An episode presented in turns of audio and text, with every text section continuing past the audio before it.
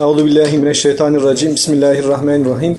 Elhamdülillahi rabbil alamin. Ves salatu vesselamu ala resulina Muhammedin ve ala alihi ve sahbihi ecmaîn. Ve men tebi'ahum bi ihsanin ila yevmiddin ve ba'd. Esselamu aleyküm ve rahmetullah ve berekatuhu. Değerli kardeşlerim, gecemiz mübarek olsun. Recep-i Şeref'in sonlarına doğru yaklaşıyoruz. İnşallah Şaban'a, Ramazan'a hayırla ulaşmayı Rabbimiz bize nasip eder. Sahih Buhari'nin Kitabul İtisam bölümünün kaldığımız yerinden devam edeceğiz bugün.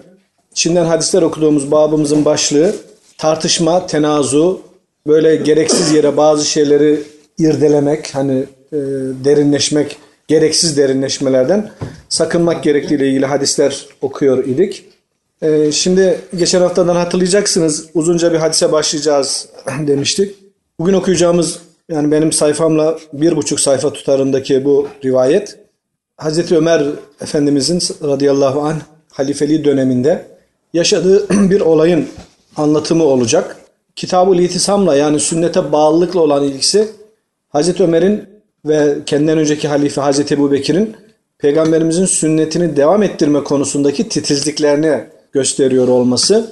Babımızla ilgisi de yani tenazu ve gereksiz derinleşmeler, gereksiz sorular, münakaşa yapmalarla alakası da e, Hazreti Ali ile Hazreti Abbas efendilerimizin arasındaki bir tartışmadan bahsediyor olması. Şimdi rivayet uzun olduğu için önce ben bir çerçeveyi söyleyeyim. Dinlerken e, niçin okuduğumuz e, gözden kaçmasın diye. Çünkü olayın akışı bizi bazı şeylerden uzaklaştırabilecek şimdi. Sonunda da tekrar toparlarken belki aynı şeyleri tekrar edebiliriz. قال الإمام البخاري رحمه الله حدثنا عبد الله بن يوسف قال حدثنا الليث قال حدثنا أقيل بن ابن عن ابن شهاب قال أخبرني مالك بن أوس النصري وكان محمد بن جبير بن مطعم ذكر لي ذكرا من ذلك İbn Şihab Ez-Zühri'nin rivayet ettiği bir hadis-i şerif. Biraz senedin yukarıdan almak durumunda kaldım. Çünkü oralarda oluşan bazı şeyler var. Ee, İbn Şihab Malik bin Evs en-Nasri'den rivayet ediyor ki kendisi tabiinden bir zat yine. Meşhur sahabi Cübeyr bin Mut'im'in oğlu Muhammed'den rivayet etmiş.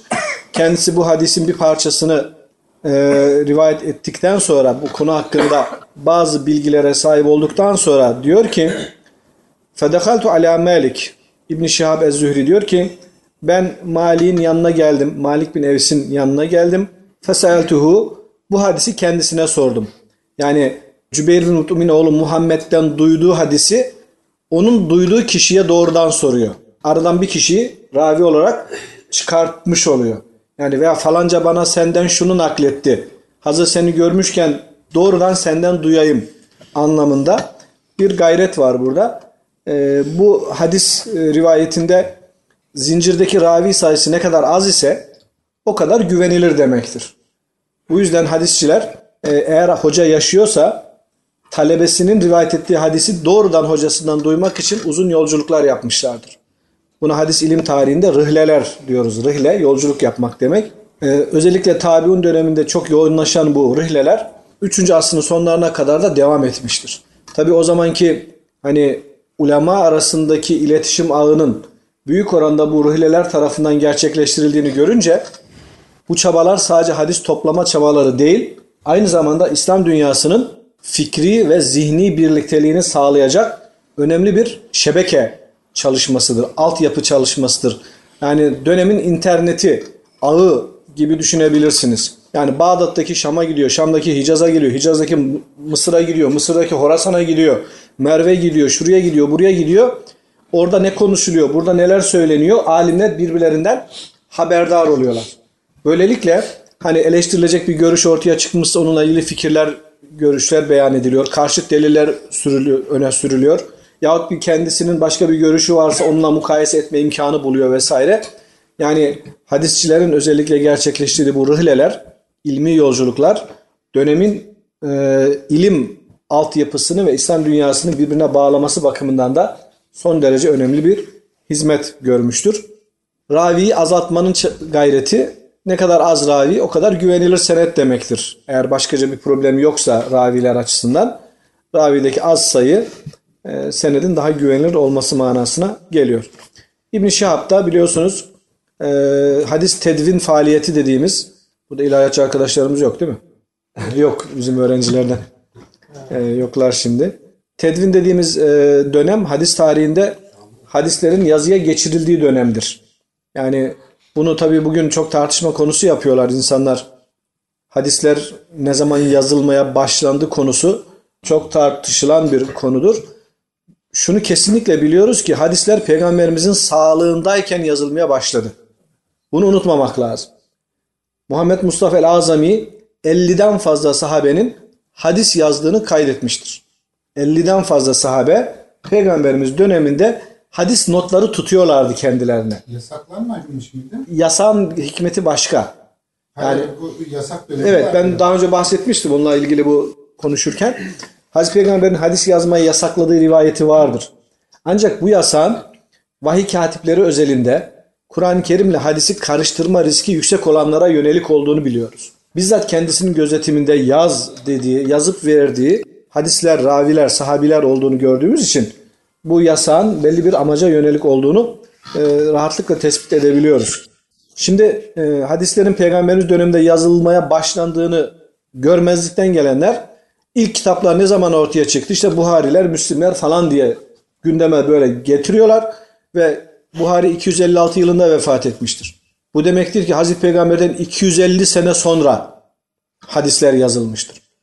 Bunu böyle rahatlıkla kullanabiliyor. Çünkü daha öncesinde böyle hani bu çapta kitaplar yazılmadığı için zannediyor ki ilk defa Buhari yazdı. Buhari ne yaptı? Duydum, duydum, duydum, duydum ve ben yazdım. Böyle bir şey yok. Böyle bir şey kesinlikle yok. Yani geçenlerde e, iki hafta kadar oldu zannediyorum. Tarihçiliğiyle tanıdığımız bir profesörümüz televizyonlara çık, sıkça çıkan e, aslında dinlediğim e, tarihi bilgilerinden istifade ettiğim birisi Mehmet Çelik Hoca Manisa'dan. Evet, e, o taraflardanmış. Aslında tarihçiliği ve şeylerini beğeniyorum yani dinliyorum onu. Geçen bir baktım hadis ve sünnet konusu alt yazı olarak gözüküyor ve konuk Mehmet Çelik. Ne diyecek falan diye biraz dinledim. Dinledikçe gerildim. Dinledikçe mail attım programa yani. Dedim Mehmet Çelik Hoca Yemen'deki Osmanlı askerlerinin nasıl tahliye edildiğini anlatırken ağlayarak dinlemiştim. Şimdi de üzülerek dinliyorum dedim yani. Bilgisi olmayan konularda niye konuşturuyorsunuz bu adamı? 150 sene sonra, 200 sene sonra hadisleri yazılmaya başlamıştır diye giriyor meseleye yani. Bunlar çok ciddi e, tartışma konuları. İbn Şihab ez-Zühri 124 yılında vefat etmiştir. 124 yılında ve onun dönemi bu hadislerin bütünüyle yazıya geçirilme faaliyetlerinin zirve yaptığı bir dönemdir. Ömer bin Abdülaziz Medine valiliği yaptığı dönemde hadis bilen sahabenin gittikçe kaybolduğunu, vefat ettiğini, şehit olduğunu, uzaklara gittiğini cihatlar için tespit etti. Ve dedi ki bu hadisler, bu bilenler gittikçe azalıyor. E bunlar bil- öldükçe bildikleri hadisler de ortadan kayboluyor. Dolayısıyla dedi bunların yazıya geçirilmesi lazım. Halif olur olmaz iki sene halifelik yaptı Ömer bin Abdülaziz. İki sene 99'da halife oldu 101'de öldü. Hicri. En önemli yaptığı iş hadislerin bütünüyle yazıya geçirilme faaliyetini resmi devlet görevi haline getirmesidir. Bütün ilim adamlarına ma- talimatlar gönderdi, valilere mektuplar yazdı. Bölgenizdeki bütün hadisleri herkes toplasın, yazsın falan diye böyle ülke çapında, bütün İslam coğrafyasında hadislerin yazıya geçirilmesini herkesten ben gidiyorum İsa abiden İsa abi ben devlet görevlisiyim hani bir anlamda. Ee, Senin bildiğin hadisleri yazıya geçireceğim. Tabii bunu devlet memurları yapmadı. Gene hadisçiler yaptılar. Hadis ilmiyle meşgul olan alimler yaptılar.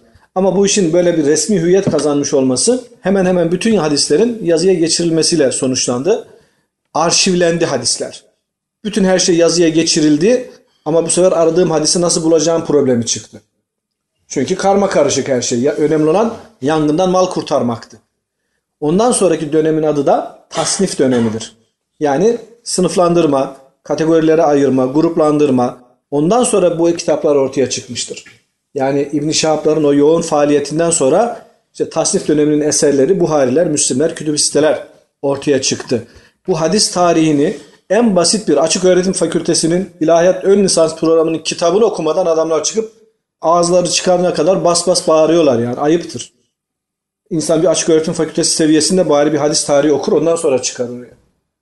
Ya cehalet ya kasıt, art niyet insanları bu konularda manipüle et- etmeye yetiyor. E, kullanıyorlar, kullanılıyorlar. Ciddi bir problem olarak önümüzde duruyor. Farklı farklı. Had, vahiy katipleri hadis yazmamışlardır. Yazmamışlardır. Hatta Zeyd bin Sabit vahiy katiplerinin hani başkanı sayılabilecek konumdaki birisiydi. Peygamberimizin vefatından sonra bile hadis yazmamaya devam etmiştir. Bize yasakladı diyor Hazreti Peygamber. Ya tamam artık vahiy gelmiyor daha işiniz bitti. Yok. Bize yasakladı ben yazmam diyor. O da birçok şey duymuştur abi. Mutlaka. Hadis e, katibi var mı? Ebu Hureyre diyor ki peygamberin hadislerini benden daha çok bilen bir kişi vardır. Abdullah bin Amr. O yazardı ben yazmazdım diyor. Yazması konusunda. Bu varken nasıl e, Şia bizim her şeyimizi reddediyor ki bu devede kulak kalır yani. Bütün sahabenin dinden çıktığını iddia ettikten sonra geriye ne kalır ki? Ya bunlar şey değil. Geçen bahsetmiştim adamın birisi çıkıp Hazreti Peygamber bütün hadisleri yazdırdı. Hazreti Ali'ye sandığa da koydu. O da imamlara geçti böyle falan diye konuşuyorlar ortalıkta yani. Evet İbn Şihab Ez-Zühri bizim hadis tarihimizde çok önemli bir alimdir. Oryantalistlerin de en çok uğraştığı adamlardan biridir. Şeye bakmak lazım. Ee, Yani bu oryantalistlere bakmak lazım. Hangi Müslüman alimle çok uğraşıyorlarsa o adam çok önemlidir. Çünkü onu bir ıskartıya çıkarabilirlerse onun beraberindeki her şeyi yıkmış olacaklar. Ebu Hureyre ile çok uğraşırlar. Çünkü en çok hadis rivayet eden sahabidir. İbn Şihab'la çok uğraşırlar. Çünkü Ömer bin Abdülaziz'in bu resmi faaliyetinin koordinatörü gibi çalışmıştır. Hatta karısı evde hadis dolu kitapları görünce demiş ki bizim kitaplarımız o bile geçmiş yani. Keşke üç hanım daha alsaydın da bu kadar kitap getirmeseydin. Yani bir kadının en son söyleyeceği sözü söylüyor. Adam hayatını bu işe vakfediyor. Yani demek kadıncağız ihmal edilmiş. Üç hanım daha alsam bu kadar zoruma gitmezdi diyor yani.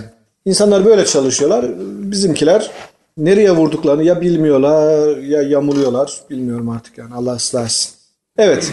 İbn-i Şabe Zühri diyor ki Malik bin Evis'in yanına gittim. Feseeltuhu ona bu hadisi sordum. Fekale dedi ki intalaktu hatta edhule ala Ömer. Bir gün ben Ömer'in huzuruna çıktım diyor Malik bin Evs. Etahu hacibuhu yerfa. Ben içerideyken kapıcısı, teşrifatçısı diyelim ki böyle giren çıkanı teşrifatçılık o işe yarıyor değil mi? Osmanlı'da gireni çıkanı izin alma Daha görevlisi. iyi bilir bu işleri. Özel kalem müdürünün de daha şey olur belki. Hacip kapıcı demek aslında. Yani güvenlik görevlisi falan anlamına da geliyor. Evet. Yerfa bu isim. Hazreti Ömer'in e, kapı görevlisi, kapıcısı Yerfa içeri geldi dedi ki Helleke fi Osman ve Abdurrahman ve Zübeyir ve Sa'd yestezinuke Hazreti Ömer'e hitap ediyor. Diyor ki Osman, Abdurrahman, Zübeyir ve Sa'd geldiler. Kendilerine izin veriyor musun? Huzura çıkmalar için.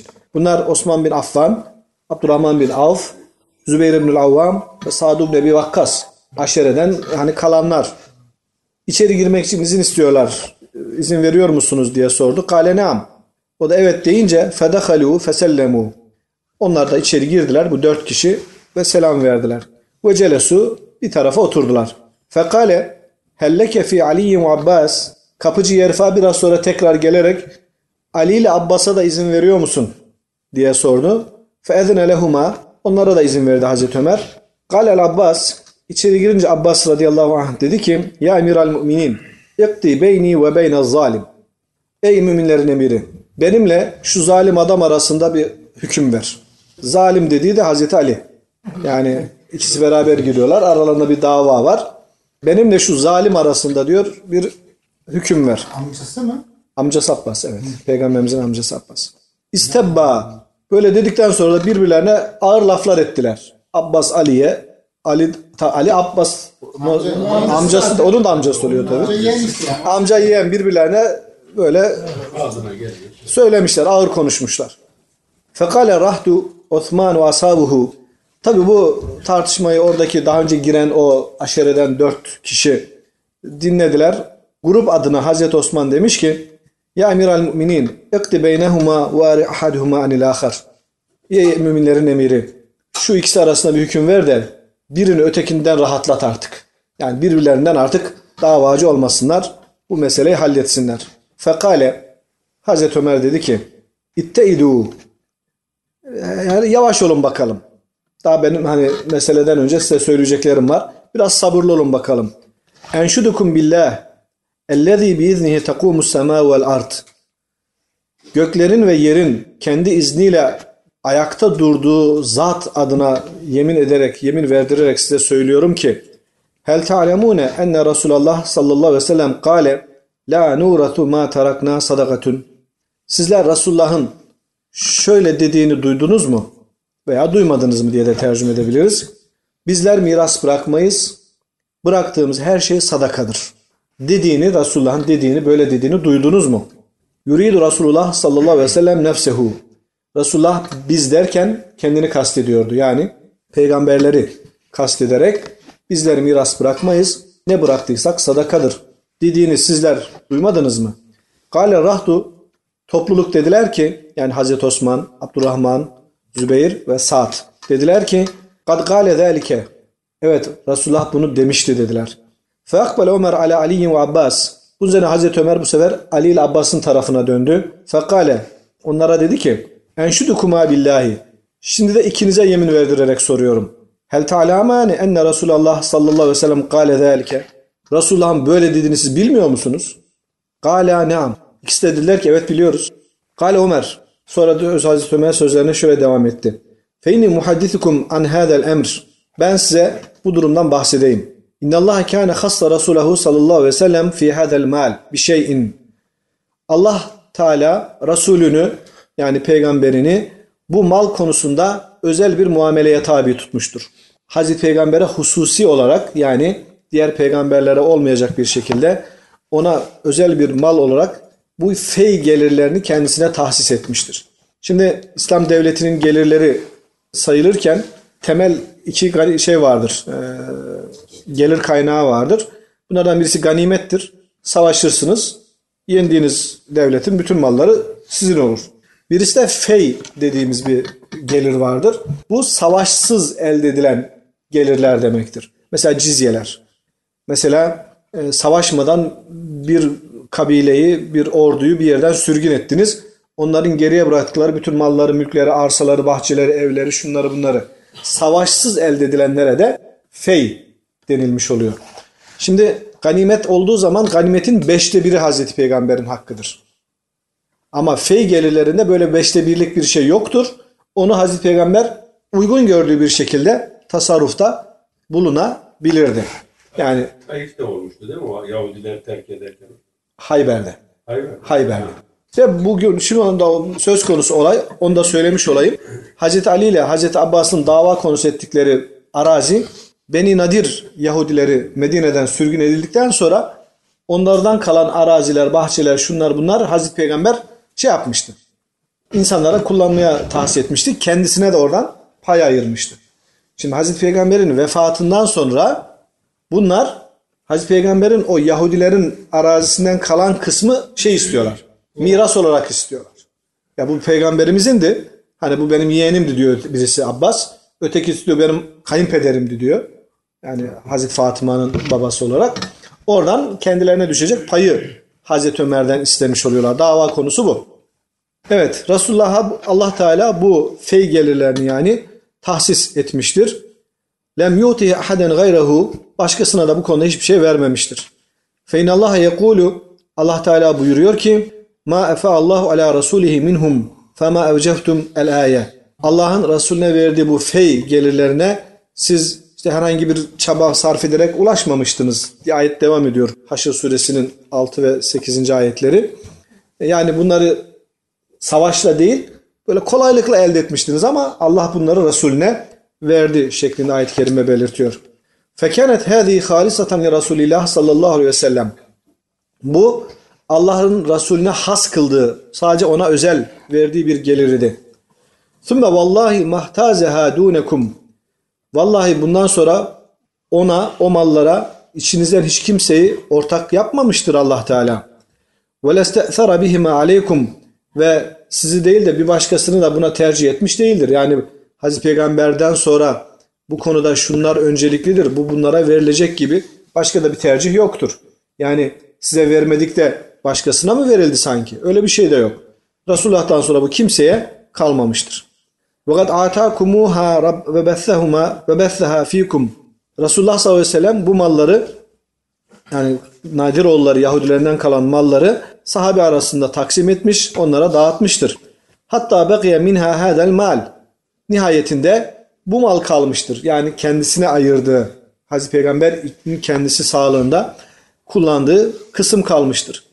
Ve kâne nebiyyü sallallahu aleyhi ve sellem yunfiku ala ehlihi nafakate senetihim min hadel mal. Resulullah sallallahu aleyhi ve sellem ailesinin bir yıllık nafakasını buradan tahsis eder. Tümme ye'kudu ma bakiye. Sonra o bir senelik nafaka kadarının dışındakini ne yapar? Feyec'alhu bi mec'ale malillahi. Allah'ın malı kategorisine koyardı onları. Yani kendi ailesinin bir senelik gelirine yetecek kadar olanı e, yani ayırıp biriktirme anlamında değil bu tabii ki. Yani onun tahsis şey var.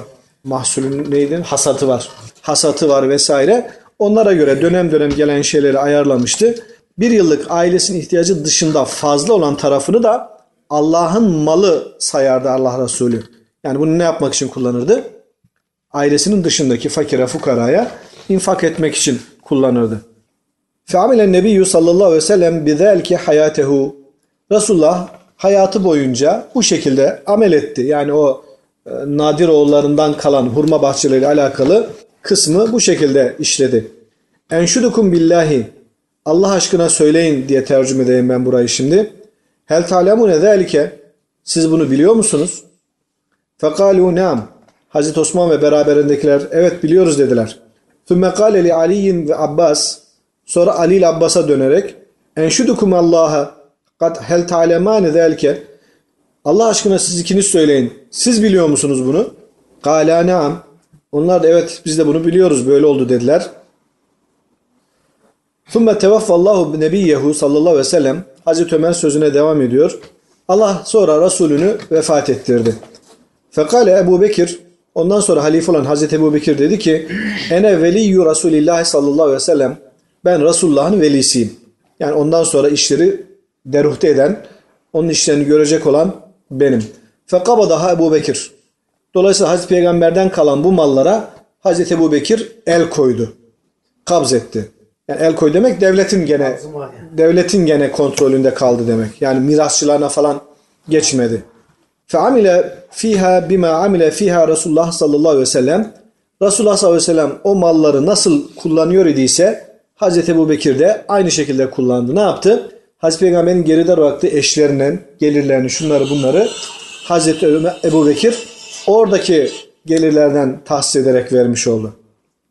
Ve entüme hine izin siz ikiniz o zamanlar bunları biliyordunuz. Yani Hazreti Ebu Bekir'in böyle yaptığını da o zaman biliyordunuz diyor Hazreti Ömer.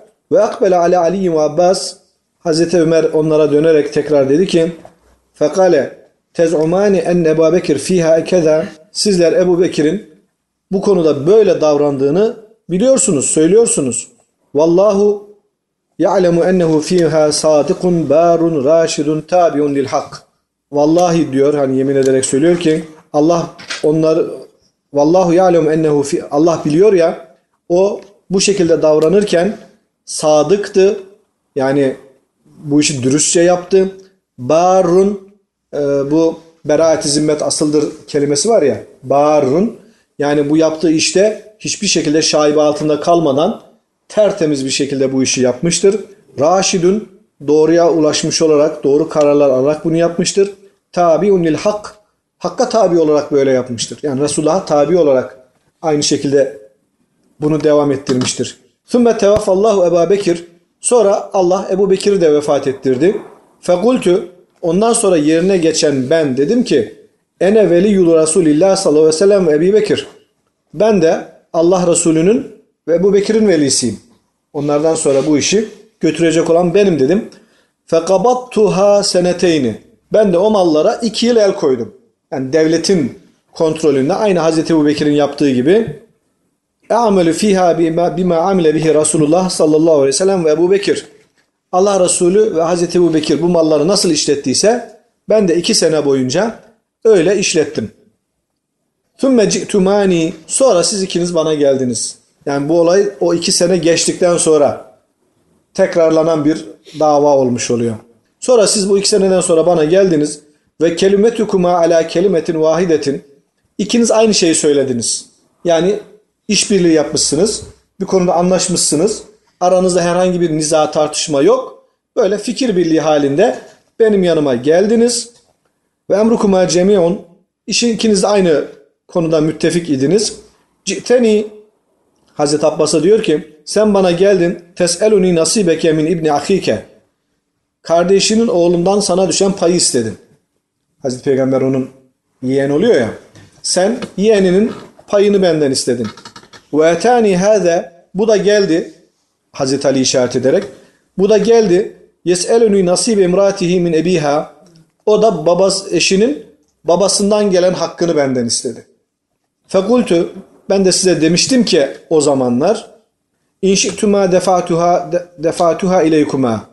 Eğer isterseniz bu malları ben size vereyim. Teslim edeyim. Ama ne şekilde? Ala en aleykuma ahdallahi ve mithaqahu. Allah'ın ve Resulünün misakı üzere bu malları işleteceğinize dair bana söz verin.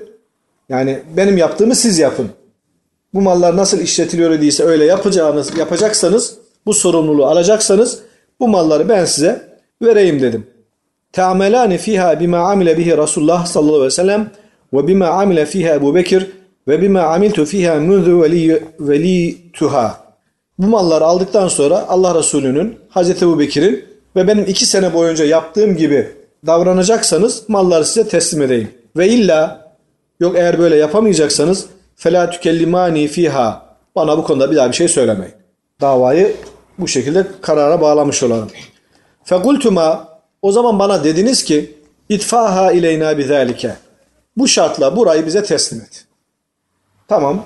Allah Resulü'nün, Ebu Bekir'in, ve iki sene boyunca senin yaptığın gibi biz bu malda böyle amel edeceğiz. Orayı öyle işleteceğiz. Bu sorumluluğu alıyoruz dediniz. Bu şartla bize burayı teslim et dediniz. Fedefatuha ileykuma bizalike. Ben de size burayı bu şartla teslim etmiştim. Enşudukum billahi. O dörtlüye soruyor. Zamirlerden anlıyoruz küm çoğul olunca. Allah aşkına söyler misiniz? Hel defatuha ileyhima bizalike. Ben o gün bu malları bu ikisine bu şartla vermemiş miydim? Kale rahdu topluluk dedi ki neam. Onlar da tasdik ettiler. Evet biz de buna şahidiz vermiştiniz.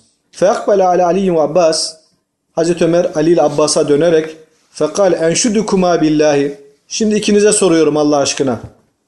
Hel defatuha ileykuma ben bu şekilde mallar size vermemiş miydim? Kala neam. Onlar da evet vermiştiniz dediler. Kale Hazreti Ömer diyor ki Efe teltemisani minni qadaen gayre zalike. Peki şimdi karşıma gelmiş o günkü hükmümden başka bir şekilde hükmetmemi mi bekliyorsunuz benden? Fevallahi fevellezî biiznihi tekumus semâ vel art. Semanın ve göğün, göğün ve yerin izniyle ayakta durduğu, devam ettiği zatın adına yemin ederek söylüyorum ki la akdi fiha qadaen gayre zalik. O günkü verdiğim hükmün dışında bu konuda başka bir hüküm vermeyeceğim.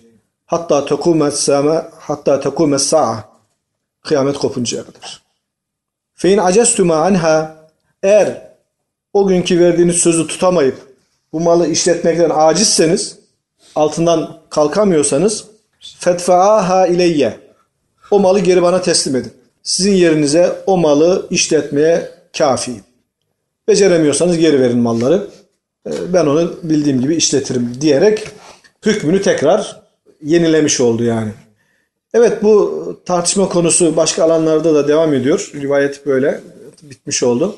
Hazreti Ali ile Hazreti Abbas'ın dönem dönem böyle tartışmalar yaptığını yani Peygamber'in vefatından sonra Hazreti Ömer'e de şeye Hazreti Ebu Bekir'e de gelerek e, bu miras davasına kalkıştıklarını biliyoruz. Ama o zaman Hazreti Ebu Bekir, daha sonra Hazreti Ömer bu konuda e, Peygamber'in hadisinden delil getirerek işte bu bizler miras bırakmayız. Bıraktığımız ne varsa sadakadır hükmü gereğince e, herhangi bir mirasçılık hükmünün Peygamberimiz için geçerli olmadığını e, beyan ederek miraslarını vermemişlerdir. Miras olarak taksim edilmemiştir. Ancak peygamber ailesinin gelirleri sağlığındayken nasıl karşılanıyor idiyse peygamberimizin vefatından sonra da yine aynı kalemlerden karşılanmaya devam etmiştir. Hatta Hazreti Ömer zamanında devlet gelirleri daha da arttığı için, zenginlik fazlalaştığı için Herkese maaş bağlanmıştı yani. Defterler var mı? Divan kayıtları var yani Hazreti Ömer döneminde. Herkesin ne kadar maaş alacağı, ne kadar gelire sahip olacağı kayıtlı bir şekilde yazıyordu. Orada mesela ilk Müslümanlar, Ashab-ı Bedir, Ezvacı Tahirat, Hazreti Peygamber'in yakın akrabalarının falan öncelikleri vardır. Hazreti Ömer kendi oğlu Abdullah'a bile Üsame'ye verdiğinden az veriyordu. Yani Abdullah bin Ömer kendisinin oğlu, halifenin oğlu babasına diyor ki benim param niye Üsame'den az? Üsame peygamberimizin hani Zeyd bin Harise'nin oğlu, torunu gibi sevdiği, torunu gibi sevdiği birisi. Ama hani şey değil, kölenin çocuğu, eski kölenin oğlu. Hani zenci, annesi de köleydi, azat edildi falan. Hani sosyal statü gereği ötekiler gibi görülmeyecek nedir? E ben halifenin oğluyum, benimki niye ondan az diye sorunca Hazreti Ömer diyor ki Resulullah onun babasını senin babandan, onun Üsame'yi de senden daha çok severdi de ondan diyor. Yani Üsame'nin babası Zeyd'i de benden de çok severdi diyor. Ben de ona alınmıyorum demeye getiriyor yani mesela. Dolayısıyla bu tip şeyler konusunda Hazreti Ömer'in dirayeti devletin kurumsallaşması açısından çok önemli olmuştur. Yani Hazreti Peygamber devleti kurdu. Hazreti Ebu Bekir e, bir iki böyle yalpalama oldu, irtidat olayları falan oldu. Onları pekiştirdi. Ama İslam devletini bir devlet olarak kurumsallaştıran kişi Hazreti Ömer olmuştur. Yani devlet teşkilatlanması e, daha çok Hazreti Ömer zamanında gerçekleşmiştir. O yüzden Hazreti Ömer İslam tarihinde son derece önemli bir şahsiyettir. Bunun üzerinde çok çalışılması lazım. Çalışılıyor da zaten yani. Bu arazi diyorum. Fatıma validemizin de hak iddia ettiği Fedek arazisi. Yok burası Beni Nadir, Medine'deki bir toprak. Başka bir yer. Bu Medine'deki Nadiroğulları sürgüne gönderilince onlardan kalan bahçeler falan. Feyle. Fey gelirleri. Fatıma çünkü Fedek, Fedek Hayber şey ganimet oluyor. e, bir yaklaşma biraz gecikme oldu ya biraz da o şeylerden. O ayrı o Fedek'ten dolayı. Hazreti Fatıma'nın itirazı Fedek'ten dolayıydı. Bu Ali ile Abbas'ın şeyleri. Güya şimdi şey diyor bunlar. Yani o tamam ganimet gelirleri öyleydi. Onu vermedim. Tabi anladık. Ama bu ganimet değil ki diyor. Bunlar başka bir şey. Hani hukuken böyle şeyler maddelerde falan açıklar olur da hani tuttururlar ya bazı şeyler. Bunlar da belki öyle bir itirazla gelmiş. Abbas nasıl hak iddiasında bulunabiliyor? Miras aşağı doğru akmaz mı? Yok amcalara da gidiyor. Amcalara da gidiyor. Ashabul, ashabul faraiz var. Usul Çocuğu yoksa Çocuklar Yok. vefat ettikten usul sonra. usul ve furuya gider. Yani aşağıya da gider, yukarıya da gider, yanlara da gider. Duruma göre. Mesela birileri varsa ötekilere ulaşmaz. var olduğu için zaten İşte birileri yoksa ötekine gider, berikine gider falan filan. Asabaya gider. Tabii şey çok bu. Faraiz ilmi çok Sonradan Hazreti Ali halife oluyor. Onun döneminde bu şeyde bir değişiklik yok olmuyor. Artık şey yerleşiyor yani. Ama önce olsaydı o tarafta da bir hayır var yani. Kontrol Büyük, büyük Olabilir. kavgaları başlardı orada. Olabilirdi belki Allahu alem. Allah var. şey, Peygamber Efendimiz e, Hazreti Abbas ile Hazreti Ali arasındaki tartışmanın neler olduğunu tam anlayamadım. O Kendi aralarında ne var onu anlamadım. Arazi peygamberimizin işletmesini vermiş Hazreti Ömer ama mülkiyetini istiyorlar. ha Mülkiyetini istiyorlar. yani, Miras olarak. Tapusunu istiyorlar yani. ben acaba dedim işletmede Ha, bir yok. sorun mu var? Yok, mülkiyetini istiyorlar. Çünkü kendileri vefat edecek olursa çocuklarına kalmayacak. Anladım. Yani gene devletin malı gibi devam edecek. Onu şey itiraz ediyorlar yani. Peki Peygamber Efendimiz öldüğü zaman yani hayatta olan eşleri var, çocukları var. Hani onlar varken Hazreti Abbas'a da düşüyor mu İslam'ın? Hayır o diyelim ki arazi belki çok genişti. Yani Hazreti Peygamber'den mirasçılık hukukuna göre de şey düşebilir. Yani bunların işletmesini Hazreti Ömer onlara teslim etmiş ki gene peygamberin Tapu eşlerinin istiyorlar ya. Tapu isteme hakkı oluyor mu İslam hukukuna göre onu söyleyeyim Hazreti Abbas'ın. ya şimdi normal bir mirasçılık hukuku olsa belki olabilirdi. Yani onların vefatından sonra mal kime kalacak? Yani eşleri falan vefat edebilir şu olur. Onların belli payları var. Diyelim ki eşlerin altıda bir, sekizde bir gibi payları falan var. O paylar dağıtıldıktan sonra geri kalan kısmın şeyini hak talep edebilirler. Yani eşi varsa bütün mala ma- şey yapamıyorsun ki. Şimdi günümüzde bile öyle şey değil yani. talep ettiklerine göre hakları. Hakları olduğunu biliyorlar yani. Yani eşler malın tamamına malik olamayabilirler. Belli bir hakları vardır yüzde olarak. O yüzdesini aldıktan sonra geri kalan ne olacak? Hak sahibi yoksa işte amcaya şuna buna gidebilir yani. Adamın tek Sekizde eşi biri var, de şey- çocuğu kimse yok. O mal işine kalmıyor yani İslam hukuku. Bütünüyle kalmaz. İslam hukukuna göre malın bütünüyle eşe kalması yok yani. Onun belli bir hissesi vardır. Sekizde biri alır. Çocuk varsa sekizde bir. Çocuk yoksa dörtte bir mi? Dörtte biri. Öyle bir durum var yani. Dörtte üçü devlet Dörtte üçü çocuklara falan kalacak. Hayır, yani mesela onu demiyorum. Çocuk yok. Tek eş. O zaman hazineye mi? Hayır hazine kalmıyor. Bu sefer kardeşler falan olabilir. Yeğenleri olabilir. Şimdi a- İslam hukukunda e, mirasın dağılımı son derece ilginçti. Böyle kafadan söylenecek şeyler de değil yani. O, o ayrı bir ilim. Feraiz ilmi diye ilim yani. Yani iki yaşadığımız dönemde yani medeni hukuk Şimdi medeni hukukta tamam mallar yarı yarıya paylaşılıyor falan bir şeyler. Ama onlar ayrı tabii. bunun vebali var mı?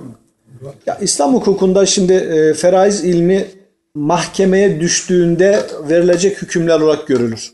Yani mirasçılar kendi aralarında mirasın taksimatı hususunda bir şekilde anlaşırlarsa o makbuldür. İslam hukuku da onu geçerli kabul eder.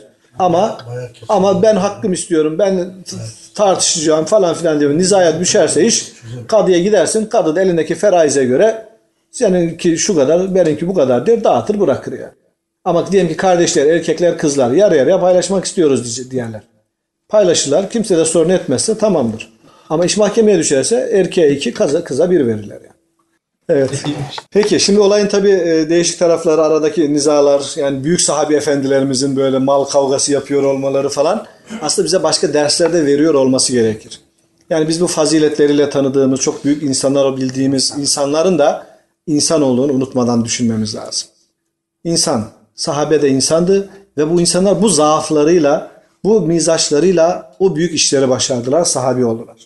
Yani bize örneklik teşkil edebilmeler için böyle gerekiyor zaten. Bunlar böyle melek gibi insanlar olsaydı ya biz onlardan nerede yarışacağız derdik. Direkt havlatardık. Ama öyle değil. Bendeki zaaf onda da varmış. Ondaki problem bende de var. Dolayısıyla ben de kendimi onlara benzetebilirim noktasında bir örneklik teşkil ediyorlar. Bu noktadan sahabenin hayatını böyle tanımakta çok yarar var. Yani onların da birer böyle hakikaten ayakları yere basan insan olduğunu bilince kendimize bir cesaret gelmesi gerekiyor.